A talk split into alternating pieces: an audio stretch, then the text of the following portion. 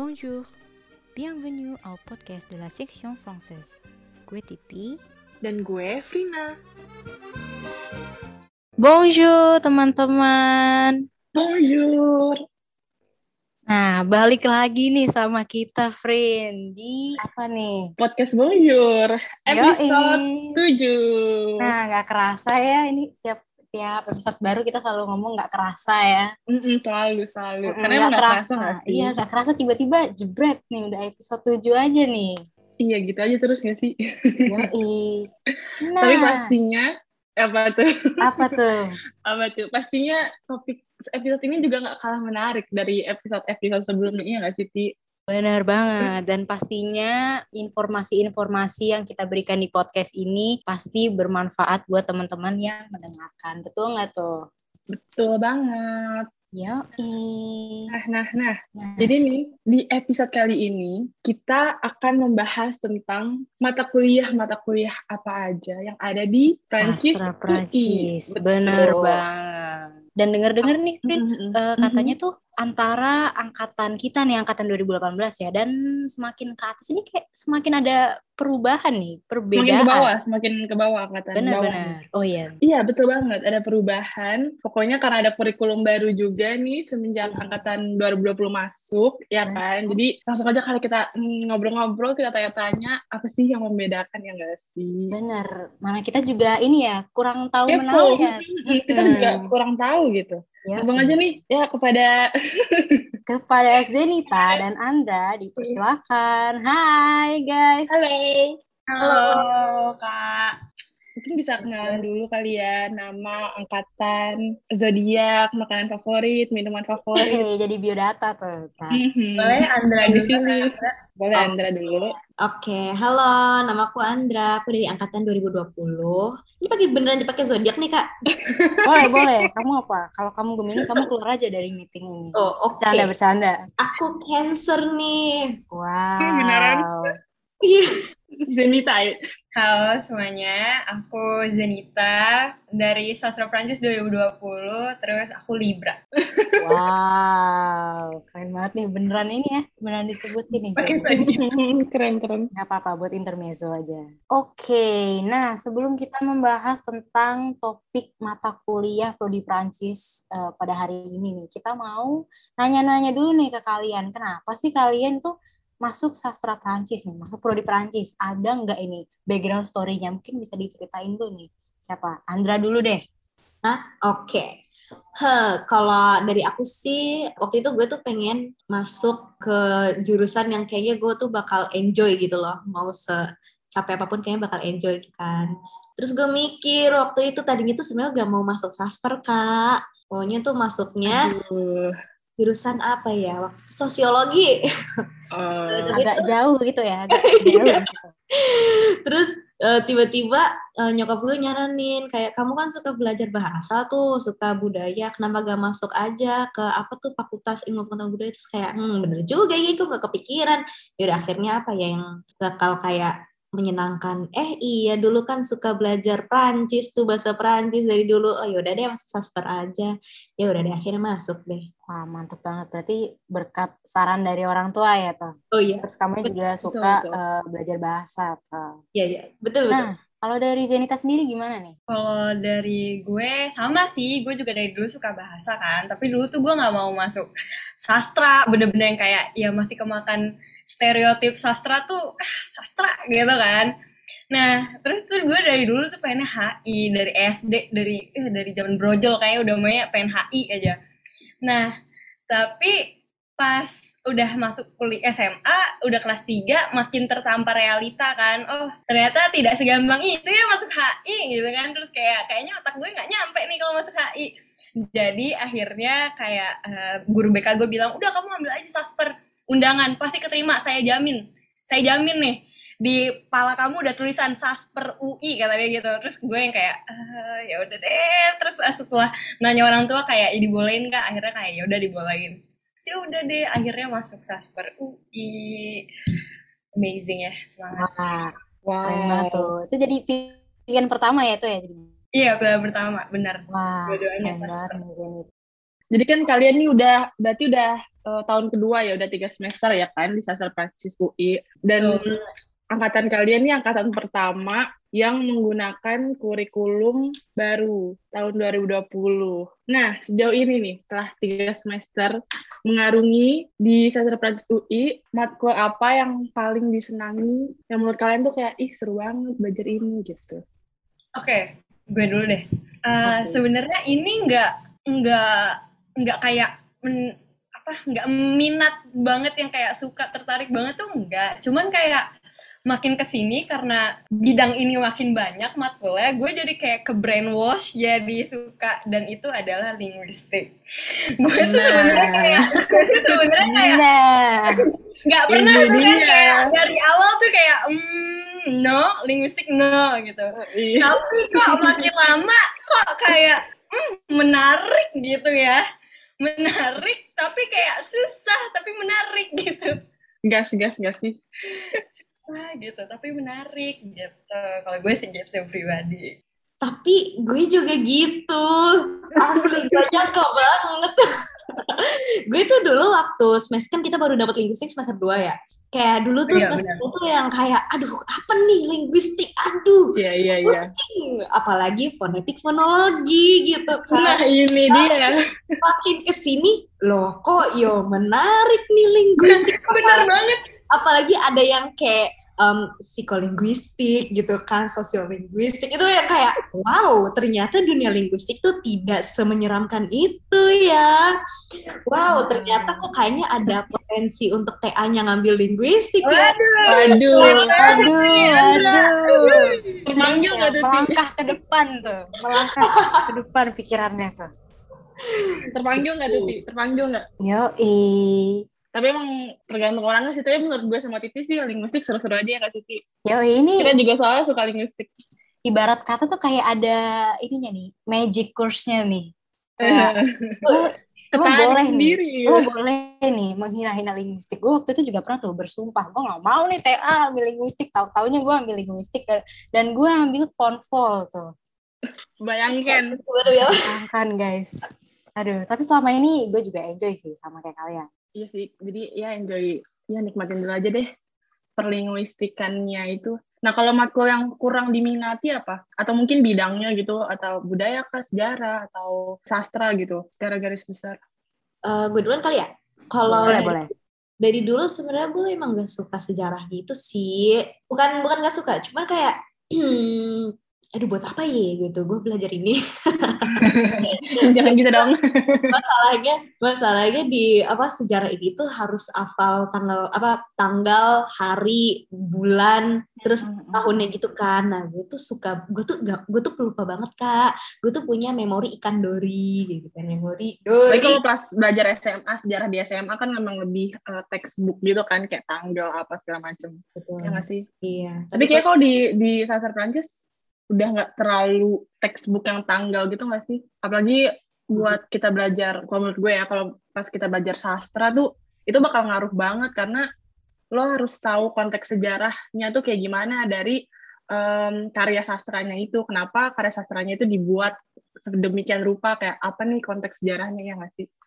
Nah iya, gue tuh kayak gitu juga. Maksudnya kayak kalau untuk konteks kayak misalnya periode ini, Iya iya. uh, ingetnya kayak gimana, itu tuh gue bisa ngerti, gue bisa hafal. Cuman masalahnya tuh ya kalau di kelas sejarah tuh lebih yang kayak pertanyaan kritis gitu kan. Oh iya iya. Ya terus yang harus ada tokoh-tokohnya gitu gue kayak, waduh apa nih gitu, lupa. Ya gak Zen? Wah bener banget, 5 esai gue nunggu jawabannya lain kalau gue Nunggu jawab, gue nunggu dari yang lain dulu baru gue bikin kata-kata ya maaf ya Bisa diedit ya Opung, ini yang ini bisa diedit Ini lah aja terus aja. Berarti Sinita juga ini nih, juga sejarah yang Enggak, kalau gue sejarah tuh kayak ya udah biasa aja gitu nggak suka banget, nggak suka ba nggak suka banget, nggak nggak suka banget juga enggak Iya iya. Hmm. Kalau gue aja. tuh yang kagetnya gue ternyata nggak suka tuh sastra kayak I didn't expect to kayak nggak suka gitu tuh I didn't Hmm, expect it gitu kirain bakal kayak oh menarik nih. Tapi pas dilihat-lihat kayak nggak tahu ya Kurang apa pas pengaruh- aja, kurang pas gitu pengaruh kan. eksternal kah atau apa kah kan? Saya kurang tahu Hmm. juga. Tapi kan kalau ini kayak kurang lain kayak pengkajian film tuh maaf ya. Oh iya udah dapet ya. pengkajian film kan uh, gue dapet semester 2 terus kayak tadinya tuh gue uh gue tunggu-tunggu banget gila nih pengkajian film gue. Gila my bestie banget gitu kan pengkajian film. Tapi pas dapet matkulnya loh kok? Loh kok? Gitu kan. Loh iya loh kok aja nggak sih? kayak mungkin terlalu tinggi ya ekspektasinya. Jadi mungkin itu sih. Mungkin sastra sih. Jadi kayak ah, oke. Okay. Nah, ini buat teman-teman yang belum tahu nih, barangkali yang nanti tahun depan nih mau ngambil mat, uh, jurusan prodi Perancis atau mungkin yang semester depan mau ini nih uh, tes lagi yang masuk ke prodi Perancis.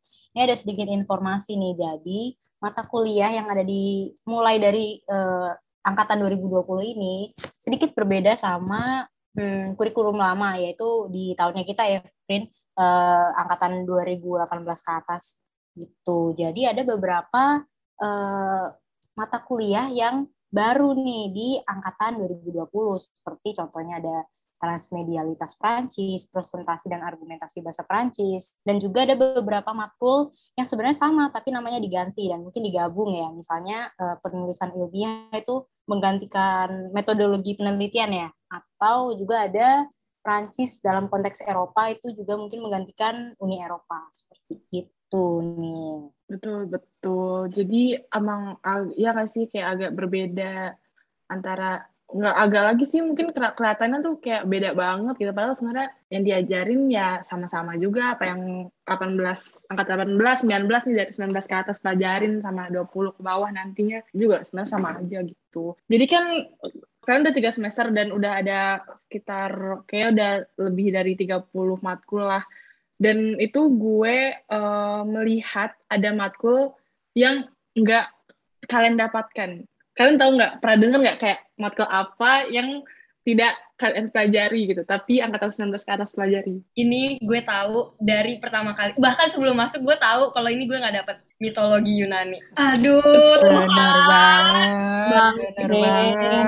Padahal itu yang kayak bikin gue kayak ngebuletin ngebuletin niat buat masuk sasper UI itu karena dapat mitologi Yunani. Terus iya, gue masuk, gak ada, bener kan, bener kan, pas bahkan gue bahkan waktu itu bilang kayak ih gue pengen masuk sasper gara-gara mitologi Yunani. Eh pas masuk eh lo kok gak dapet?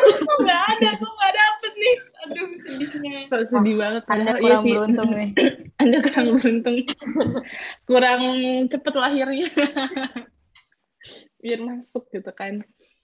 Pokoknya kalau dulu lu gimana nih mitologi Yunani kesan-kesan lu pas belajar mition? Nah itu merupakan biar kerasa dikit lah. hal yang baru ya dan uh, awalnya agak kaget gitu. Kayak oh ini ternyata nggak cuma melajarin tentang Prancis, Prancis aja. aja loh ternyata juga ada mitologi Yunani dan itu juga justru malah kayak nggak belajar yang serius gitu. Malah kita kayak cerita cerita terus kita uh, gue masih inget banget tuh ujiannya tuh pokoknya mencari produk atau brand yang kira-kira ada makna tentang produk budaya uh, iya. iya sejarah mitologi Yunani-nya gitu deh pokoknya wah keren banget. Waktu itu nih, gue inget banget. Nah iya ada ada Nike terus ada apa tuh namanya ada Starbucks bisa juga produk tuh. iya bisa produk uh, make up gitu kayak logonya atau kayak uh, novel film ya, yang iri kalian semua iri. Jangan iri jangan, jangan iri jangan iri.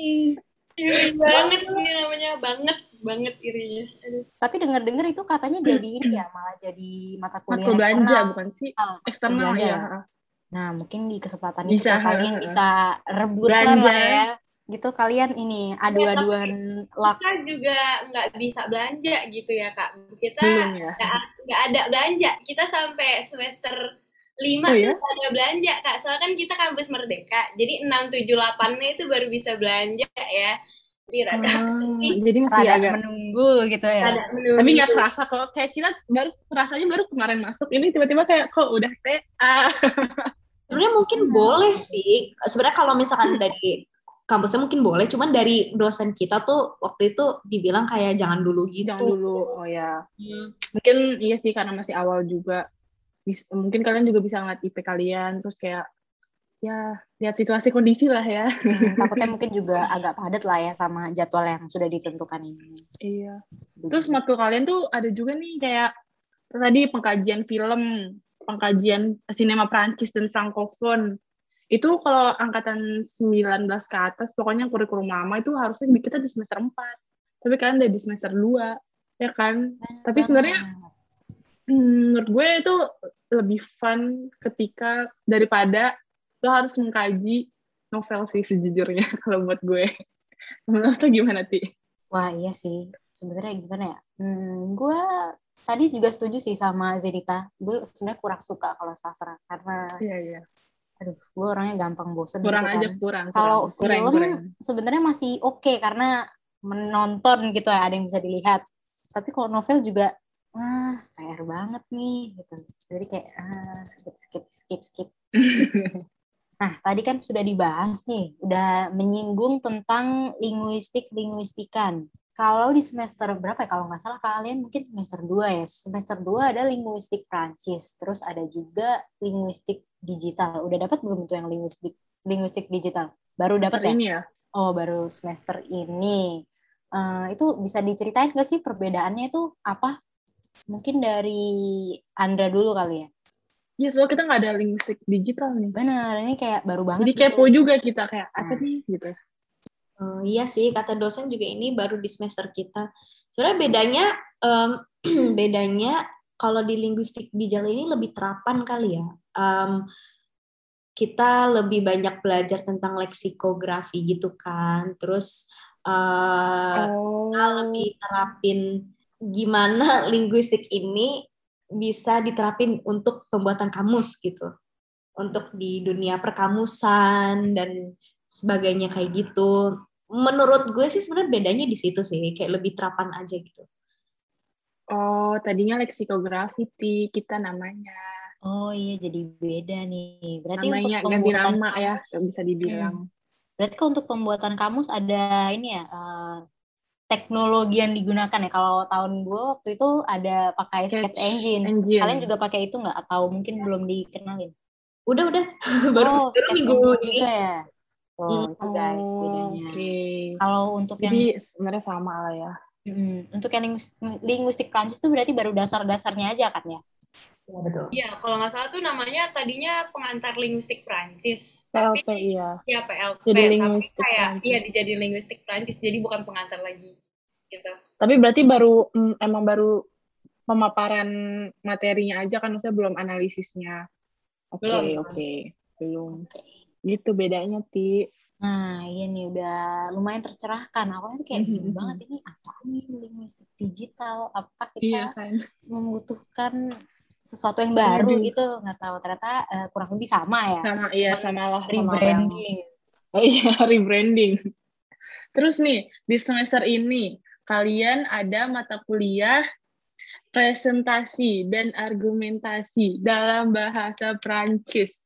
Nah, tuh bedanya apa tuh sama KBP karena seinget gue kalau yang 18 itu kita kayak baru belajar uh, argumentasi, presentasi itu kayak di semester 5 gitu di KBP 5. Sejujurnya, ya nggak sih, itu kayak KBP 5 nggak sih, atau 4 gitu. Nah, iya tuh, mulai ngobrol-ngobrol, otodidak gitu langsung spontan. Iya. Uhui. Nah, kalau kalian nih di matkul ini, coba bisa ceritain nggak nih, ada apa yang terjadi gitu? Ya, jadi sebenarnya presgu atau presentasi dan argumentasi itu um, sama aja kayak EO ya. EO dua uh, matkul, selama matkul tuh EO gitu kerjaannya. Jadi kita uh, ngomong aja tuh harus ngomong uh, jadi intinya kayak kita nanti ada ada ya berdebat gitu kayak ada delapan kelompok kayak delapan kelompok jadi setengah presentasi setengahnya ngasih feedback Terus nanti, nah yang ngasih feedback ini kayak harus ngomong dengan full bahasa Perancis, gimana gimana gimana gimana. Soalnya, soalnya tuh katanya kita tuh emang kurang ya buat kayak ngomong karena kita kan emang KBP-nya dipadetin banget gitu kan kayak harusnya buat tujuh semester tapi kayak kita dijadiin lima semester doang gitu kan jadi tuh emang kayak buat ngejar uh, biar EO-nya bagus itu ya dikasih bikin matkul sendiri. matkul sendiri untuk Jadi itu emang matkul khusus EO saja. Khusus EO aja tuh. Jadi kalau nggak ngomong tuh nggak dapet nilai. Intinya tuh harus ngomong. Iya. Wow. Panik-panik ajaib tuh. Oh, panik-panik aja. Tapi di KBP-nya berarti tetap bakal tetap EO juga kan? Iya, jadi Kalau emang ada lebih kayak em, lebih advance dari KBP. Jadi KBP misalnya Oh materi iya paham paham. KBP, Hmm. terus kita nanti ngomongin itu lagi di Presbu, tapi lebih kayak kita jelasin lebih Lebih mendalam lagi. Iya, benar. Oh ya mungkin ada teman-teman yang belum tahu belum nggak tahu nih KBP apa. KBP itu kemahiran bahasa Prancis. Mata kuliah di mana Iya. eh, mahasiswa prodi Prancis belajar bahasa Prancis gitu. Dan kaidah-kaidahnya. Iya betul banget. Wow. Nah, berarti nih kalian selain ada ujian KBPIO, kalian mungkin juga akan ada juga. ujian Betul juga. ini ya? Iya Hmm. betul sekali minggu Waduh. depan. Oh, minggu depan nih. Iya. Udah eh, udah ada hmm, ini belum? Udah dikasih tahu belum eh, UTS-nya kayak gimana tuh kalau ujian? Belum. Ih, Oh, soalnya agak penasaran kan kalau misalnya kalau di KBP tuh kan biasanya berdua-berdua terus dosennya menilai kita eh, bikin ng- ngomong gitu kan eh, ngobrol berdialog sama partnernya gitu kan. Jadi penasaran nih. Ha- eh, Ya, mungkin belum nanti ya Kabarin sih UTS-nya. belum dikabarin. Heeh. Oke, oke, nggak apa-apa. Ah, pokoknya good luck deh buat kalian. Semoga lancar ya. Pokoknya ini Iya ya, tuh, banyak-banyak wow. latihan, mungkin nonton Iya sih, film betul, kah betul. atau podcast Prancis Iya. yang gitu-gitu deh. Pokoknya untuk menambah kosakata atau kalian ngomong sendiri mungkin. Iya, Kan bakal ngomong berlatih. sendiri. Iya, ngomong sendiri itu. Oke. Oke, pertanyaan selanjutnya nih. Kira-kira nih sepanjang kalian menjalani perkuliahan, tadi kan udah disebut ya, eh, kalian ada minat mungkin ke mata kuliah mata kuliah linguistik. Kira-kira eh, kalian udah berani nggak sih memantapkan diri eh, kalian sendiri. untuk eh, melanjutkan mungkin memperdalam ilmu linguistik, Linguistik. atau mungkin kalian juga masih dilema nih antara minat linguistik dengan minat yang lain gimana nih siapa dulu yang mau jawab Eh, Andra dulu boleh pertanyaannya. Em, jujur kalau gue sih em, masih meraba-raba ya kak. Soalnya kayak gue masih tertarik juga sama eh, sastra. Kalau gue kan tertarik Oke. Uh, jadi kayak gue tuh masih sebenarnya masih mikir banget sebenarnya gue tuh maunya apa gitu. Walaupun linguistik menarik sih tapi udah lumayan mau memantapkan diri tapi sabar dulu. Masih, Masih ada waktu. masih masih ada semester waktu. tiga ya. Iya betul. Masih ada waktu untuk mikir Masih dan waktu, betul. matang gitu kalau Kalau Zenita nih. Aduh, Kalau gue tuh kayak gimana ya? Kayak love hate sih sebenarnya sama linguistik Iya, ini. Iya. kayak kayak kayak kayak ini tuh matkulnya menarik gitu kan? Menarik tapi, Tapi kok susah? Kok gue kayaknya nggak nggak bakal nggak tahu nih sanggup apa enggak gitu masih nggak tahu gitu. Jadi kayak ya udahlah masih pengen nyari yang lain mungkin kebudayaan atau ya udah ke sastra gitu. Walaupun walaupun maksudnya tuh kalau misalnya sastra tuh walaupun gue rada gimana gitu tapi korpusnya gue demen kan. Maksudnya kayak buat misalnya kayak eh, film atau lagu atau apa itu kan masih kayak ya masih bisa lah gitu. Tapi kalau linguistik tuh kan kayak hmm, takutnya nah aduh penerjemahan juga menarik sih ya tapi kayak iya, saya menarik gitu.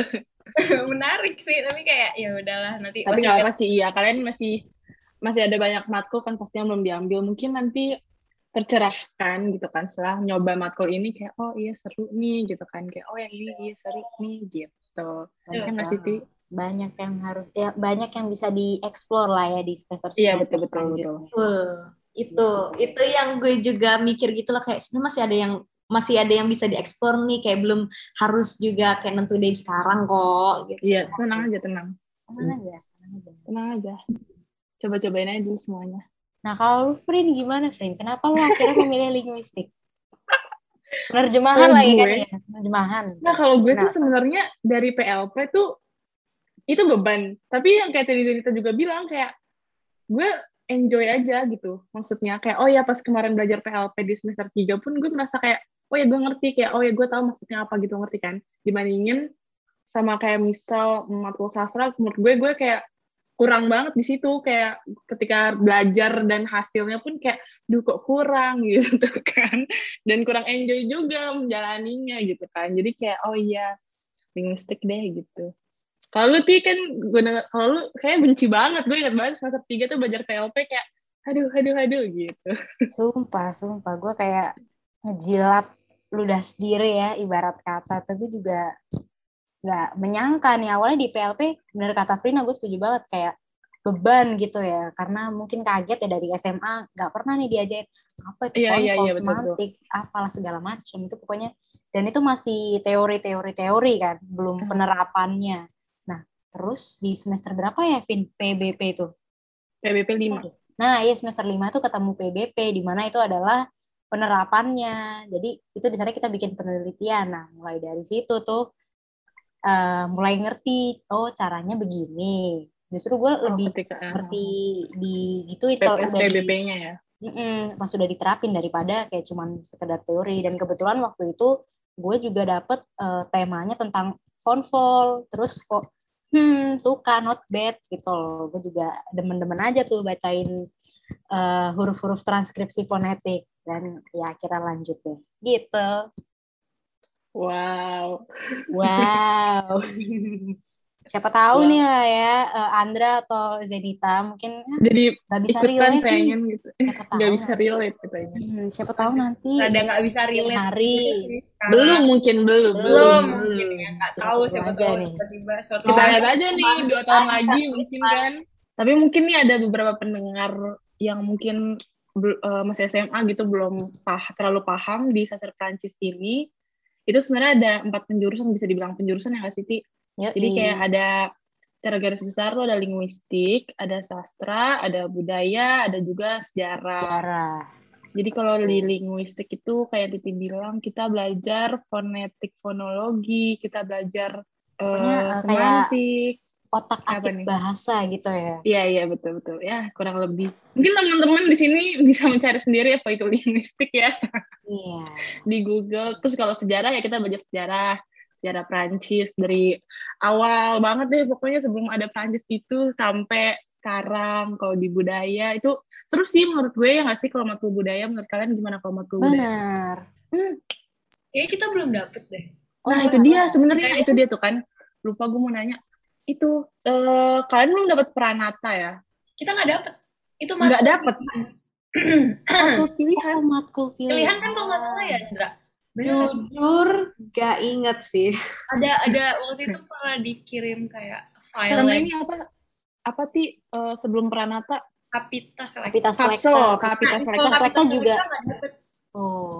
itu matkul nggak dapet. pilihan kalau nggak salah kalau kapita selekta itu Wow. Jadi kalau nih FYI, lagi nih, kapita selekta tuh itu kita belajar tentang budaya-budaya Prancis kayak mode, terus arsitektur, Restoran. eh, wine, iya, pokoknya budaya Prancis deh kayak gitu. Kalau di Pranata kita belajar tentang em, pendidikan, terus pemerintahan, sama pernikahan keluarga. juga tuh Pernikahan, ya, iya, pernikahan, pernikahan. keluarga kayak gitu-gitu. Dan Iya, serunya lagi nih, mungkin eh, ini teman-teman juga bisa denger nih, walaupun ini matkul eksternal, jadi mata kuliah nggak wajib ini kapita selekta ya. Di situ nih kalau misalnya udah, insya Allah udah kuliah offline ya, biasanya nih dosennya berbaik hati nih, membawakan eh, makanan-makanan dari Prancis. Eh, buat diicip-icip. gitu. Bener buat diicip-icip mungkin bisa dibawain eh, apa baget terus parfum-parfum ya parfum dari yang bentuknya batang sampai Yang parfum bentuk-bentuk mahal tuh. Iya. mm, yang asli Prancis terus juga ada eh, wine kalau pengen tahu dan masih banyak lagi jadi kalian di situ nggak cuma belajar secara teori jadi kalian juga bisa ngeliat nih bentuknya kayak gimana Betul, Seru betul, banget betul. kan Jadi sedih. jangan dong Jangan sedih, jangan iri, jangan karena iri, kalian jangan pasti iri bisa itu tuh eh, nyimpen itu tuh nyimpen kuotanya eh nyimpen kuota nyimpen kesempatan buat nantinya bisa kalian ambil betul nggak Prin? Betul betul. Ayo, betul, Zen. betul. tuh Ayo. siapkan Pasti dari sekarang ya soalnya kita ini kalau nggak salah kita nanti ini sama yang lain juga soalnya sama di luar sastra Prancis kita saingannya juga soalnya kan mereka juga Oh. bisa ambil kan Hmm, iya. Tapi gua kayaknya bakal tetap diprioritasin yang Tidak sastra Prancis sih. Oke. Iya, Yang internal dulu baru yang eksternal. Terus satu lagi sastra, sastra itu kita belajar tadi kayak pengkajian film, terus kita belajar juga nggak cuma analisisnya tapi eh, kita juga belajar tentang eh, sejarahnya konteks yang tadi kayak sebelumnya udah pernah gue bilang juga tentang bagaimana konteks sejarahnya itu mempengaruhi si karya-karya sastranya kayak di tahun segini tuh ada apa aja periode ini tuh apa yang terjadi dan karya sastra itu kayak gimana penulis di Prancis itu siapa aja puisi dan lain-lain banyak pokoknya seru gak sih seru banget jadi mungkin di sini kalau ada anak SMA yang mendengar atau ragu gitu mau masuk sastra Prancis, mungkin bisa dipertimbangkan, iya nggak?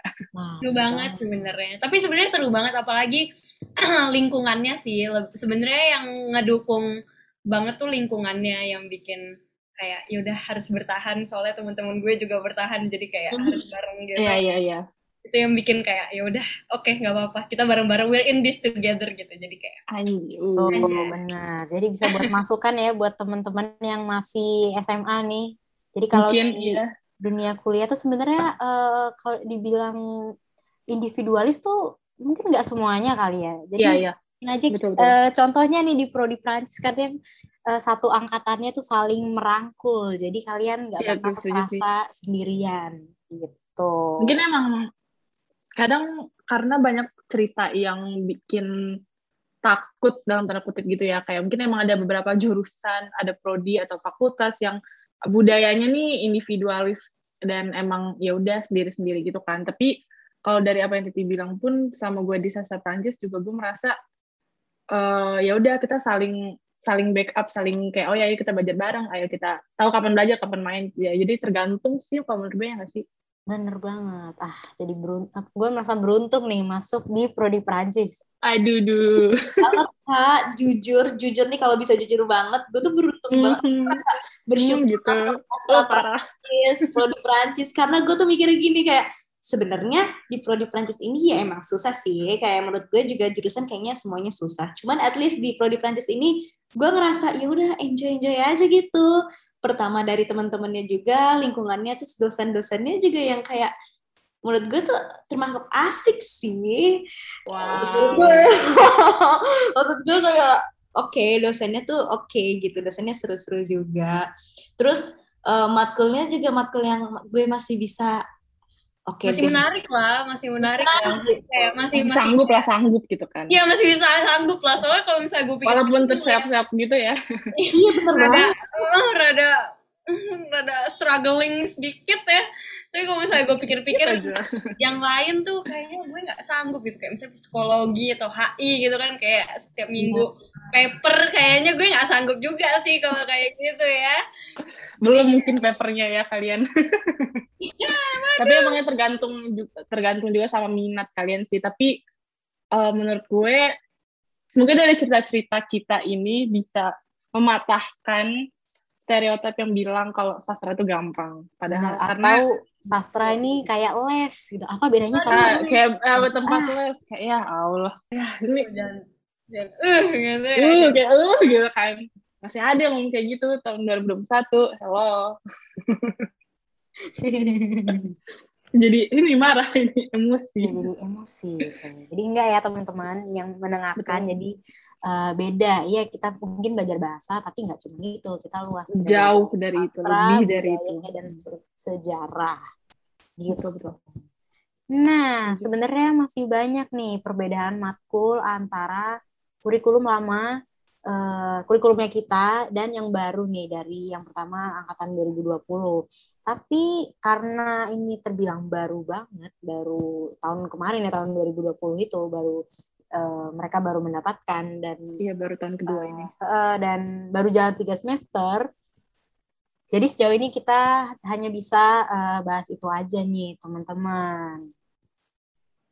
Nah iya, jadi mungkin ke depannya bisa kita kulik-kulik lagi kali ya tentang Benar matkul-matkul di sastra Prancis UI ini. Mungkin Dan volume tiga kali ya. Mungkin volume iya, tiga. volume tiga mungkin oh, kan. Iya, Coba tahu gitu. Oke, kalau gitu Zenita sama Andra makasih banget ya udah nyempetin waktunya. Untuk hadir di podcast Bonjour. Terima juga Kak. Kak Frina udah ngundang kita berdua. Ih, lucu banget. Nah, buat teman-teman yang belum pernah atau ketinggalan nih eh, episode-episode sebelumnya, langsung aja kalian cek podcast Bonjour di Spotify. Dan jangan lupa follow juga. Terus kita juga ada beberapa uh, akun sosial media yang harus kalian ikuti biar nggak ketinggalan informasi. Yaitu ada apa aja, friend?